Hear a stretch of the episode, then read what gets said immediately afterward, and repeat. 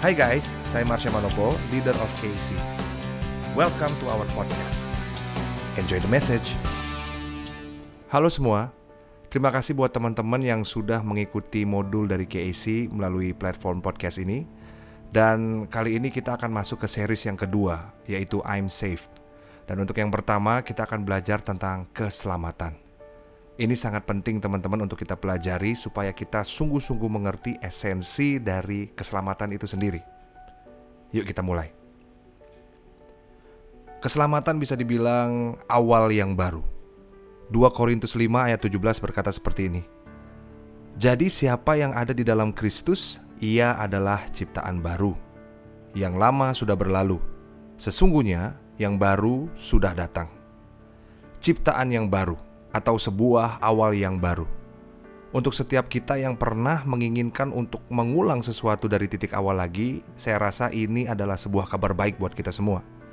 Tetapi sebelum kita dapat benar-benar menghargai kabar baik ini, kita perlu mengetahui persis mengapa kita perlu untuk mengulang dari titik awal lagi.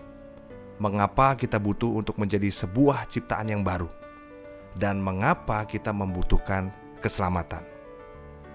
Masalahnya adalah ini, teman-teman. Alkitab berkata bahwa semua orang telah berbuat dosa dan telah kehilangan kemuliaan Tuhan, dan upah dosa adalah maut, mati. Jadi, pokok dari masalahnya adalah kita dipisahkan karena dosa-dosa kita. Terdapat sebuah jurang pemisah yang tak terukur yang memisahkan Tuhan dengan manusia. Penyebab dari pemisahan kekal antara Tuhan dan manusia adalah dosa. Pernah nggak kita ngerasa jauh dari Tuhan? Saya rasa kita semua pernah. Banyak kita mengira bahwa ketika kita merasakan hal itu, kita ngerasa bahwa kita kurang beribadah, atau kita kurang merenungkan firman Tuhan, atau belajar agama lebih rajin, lebih giat, atau kita kurang datang ke KKR-KKR dan sebagainya. Saya rasa bukan itu intinya. Kita semua memang sejak awal terpisah dengan Tuhan karena dosa. Dan apa yang menyebabkan pemisahan antara Tuhan dengan manusia? Yeremia 59 ayat 1 berkata begini, Sesungguhnya tangan Tuhan tidak kurang panjang untuk menyelamatkan, dan pendengarannya tidak kurang tajam untuk mendengar.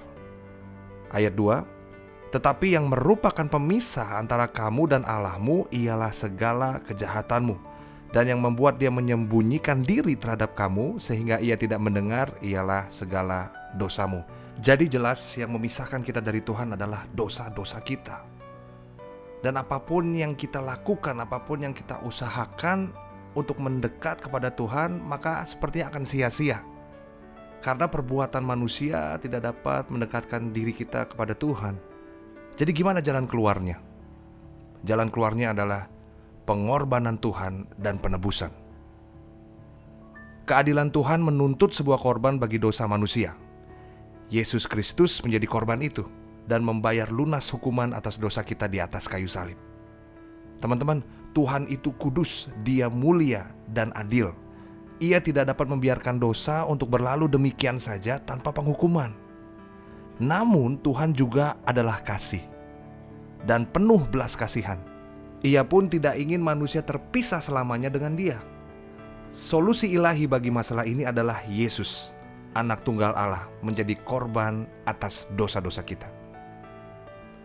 Ibrani 9 ayat 26 berkata, Sebab jika demikian ia harus berulang-ulang menderita sejak dunia ini dijadikan. Tetapi sekarang ia hanya satu kali saja menyatakan dirinya pada zaman akhir untuk menghapuskan dosa oleh korbannya. Ayat 27, Dan sama seperti manusia ditetapkan untuk mati hanya satu kali saja, dan sesudah itu dihakimi, Demikian pula Kristus hanya satu kali saja mengorbankan dirinya untuk menanggung dosa banyak orang. Sesudah itu, ia akan menyatakan dirinya sekali lagi tanpa menanggung dosa untuk menganugerahkan keselamatan kepada mereka yang menantikan Dia. Itu di Ibrani 9 ayat 26 sampai 28. Apa sih yang sesungguhnya terjadi di atas kayu salib?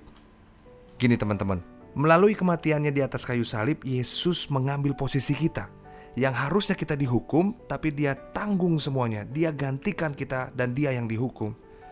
Ia menukar kemuliaannya untuk dosa kita, teman-teman. Ia mengambil kutuk kita dan memberi kita berkat-berkatnya.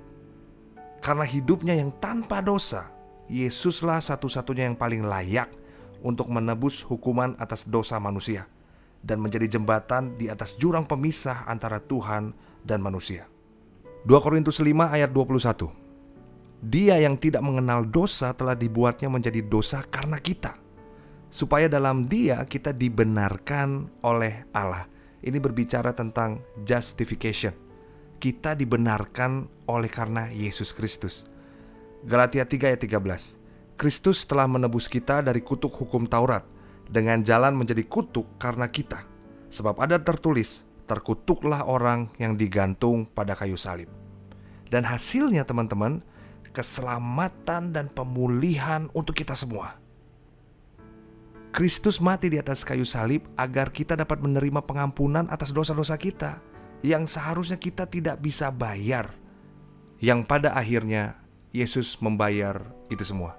Dia menanggung dosa-dosa kita. Supaya apa teman-teman? Supaya kita manusia bisa menerima hidup yang kekal. Teman-teman, kita telah berdosa terhadap Allah yang adalah kudus dan mulia.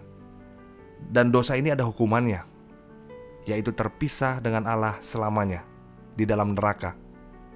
Ingat teman-teman, Allah adalah adil dan harus menjatuhkan hukuman atas dosa kita. Namun ia adalah kasih dan tidak menginginkan kita masuk neraka selamanya. Untuk itulah ia mengutus anaknya yang tunggal Yesus Kristus untuk menebus kita dari hukuman atas dosa dengan mati di kayu salib. Hidupnya yang tanpa dosa membuat maut tidak bisa mengalahkan Yesus. Ia bangkit dari kematian pada hari ketiga. Dalam Kristus kita menerima pengampunan atas dosa-dosa kita dan memperoleh hidup yang kekal. Di dalam Dia kita dipulihkan untuk dapat datang di hadapan Tuhan dan diberi hidup yang baru sebagai anaknya. Yohanes 3 ayat 16 Teman-teman pasti udah tahu ayat ini. Kita udah hafal semuanya. Karena begitu besar kasih Allah akan dunia ini Sehingga ia telah mengaruniakan anaknya yang tunggal. Supaya setiap orang yang percaya kepadanya Tidak binasa Melainkan beroleh hidup yang kekal. Efesus 1 ayat 7 berkata seperti ini teman-teman.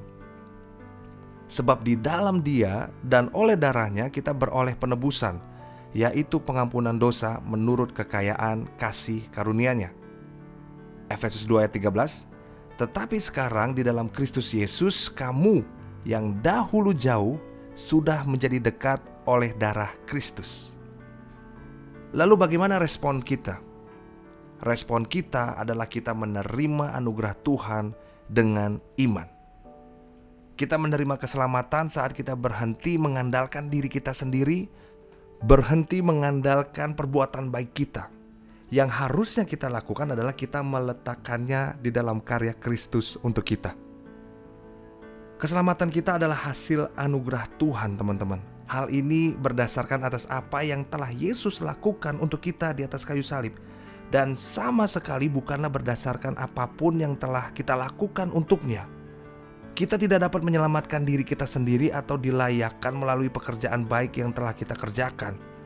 Kita diselamatkan oleh karena anugerah Tuhan saat kita menyadari bahwa kita membutuhkan seorang juru selamat, berbalik dari dosa kita dan menerima Yesus Kristus sebagai Tuhan dan juru selamat serta percaya bahwa keselamatan hanya ada di dalam Yesus. Roma 10 ayat 9 Sebab jika kamu mengaku dengan mulutmu bahwa Yesus adalah Tuhan dan percaya dalam hatimu bahwa Allah telah membangkitkan dia dari antara orang mati, maka kamu akan diselamatkan. Ayat 10, karena dengan hati orang percaya dan dibenarkan, justification, dan dengan mulut orang mengaku dan diselamatkan.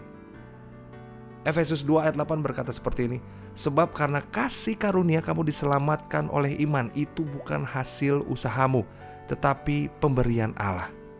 Dan ayat 9 Itu bukan hasil pekerjaanmu Jangan ada orang yang memegahkan diri.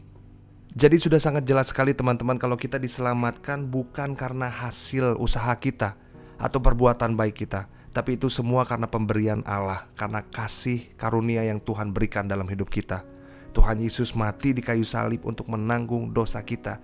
Kita hanya harus percaya dan menjadikan Dia Tuhan dan Juru Selamat dalam hidup kita. Responi dengan iman kita setiap karya penebusannya. Lalu, apakah sekali selamat kita tetap selamat? Jawabannya adalah iya, jika kita ada di dalam kebenaran firman Tuhan dan selalu ada di dalam kehendak Tuhan. Di luar kebenaran firman Tuhan dan di luar kehendak Allah, maka saya percaya dosa itu akan menguasai kita kembali dan waktu kita dikuasai oleh dosa lagi, itu yang memisahkan kita kembali dengan Tuhan. Ketika kita sudah dibenarkan justification, kita akan masuk yang namanya sanctification di mana kita benar-benar menyalipkan kedagingan kita dan berusaha menjadi seperti Kristus. Di situlah kita berjalan di dalam kebenaran firman Tuhan, di dalam kehendak Allah. Itu yang membuat kita tetap selamat.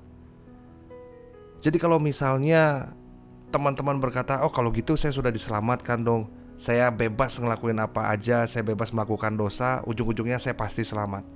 Karena punya paradigma yang salah tentang itu sehingga kita tidak mengerjakan keselamatan kita dengan sungguh-sungguh. Kita berbuat dosa lagi, kita mencuri lagi, kita drugs lagi, nonton porno lagi, masturbasi lagi karena dalam pikiran kita ah, kita udah selamat kok. Wahyu 3 ayat 5 bilang begini, barang siapa menang ia akan dikenakan pakaian putih yang demikian. Aku tidak akan menghapus namanya dari kitab kehidupan. Artinya, nama kita bisa dihapus dari kitab kehidupan. Firman Tuhan juga berkata seperti ini, bukan orang yang berseru kepadaku Tuhan Tuhan akan masuk ke dalam kerajaan surga, melainkan mereka yang melakukan kehendak Bapa. Dan setelah ini kita akan belajar tentang ketuhanan. Kita akan belajar tentang sanctification, di mana kita benar-benar mengerjakan keselamatan kita dengan sungguh-sungguh. So saat ini kita perlu keselamatan itu teman-teman. Apa yang harus kita lakukan? Responi dengan iman. Percaya bahwa Yesus Kristus adalah juru selamat yang membebaskan kita dari dosa. Tuhan Yesus memberkati. Oke semua, tadi kita sudah mendengar series kita dari I'm Safe yang judulnya Keselamatan atau Salvation. Dan ini ada beberapa pertanyaan yang bisa kita diskusikan. Yang pertama, sudahkah kamu berhenti mengandalkan diri sendiri dan mulai mempercayai Kristus saja untuk keselamatanmu? Yang kedua, sudahkah kamu berbalik dari semua dosa-dosamu? Yang ketiga, sudahkah kamu mengakui Yesus sebagai Tuhan dan penguasa atas hidupmu?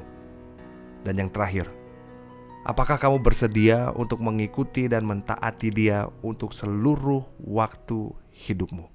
Thank you for listening. Kalau kalian terberkati, kalian bisa share ke keluarga, teman-teman, atau siapa pun. Percayalah, apa yang kita tabur gak ada yang sia-sia. God bless.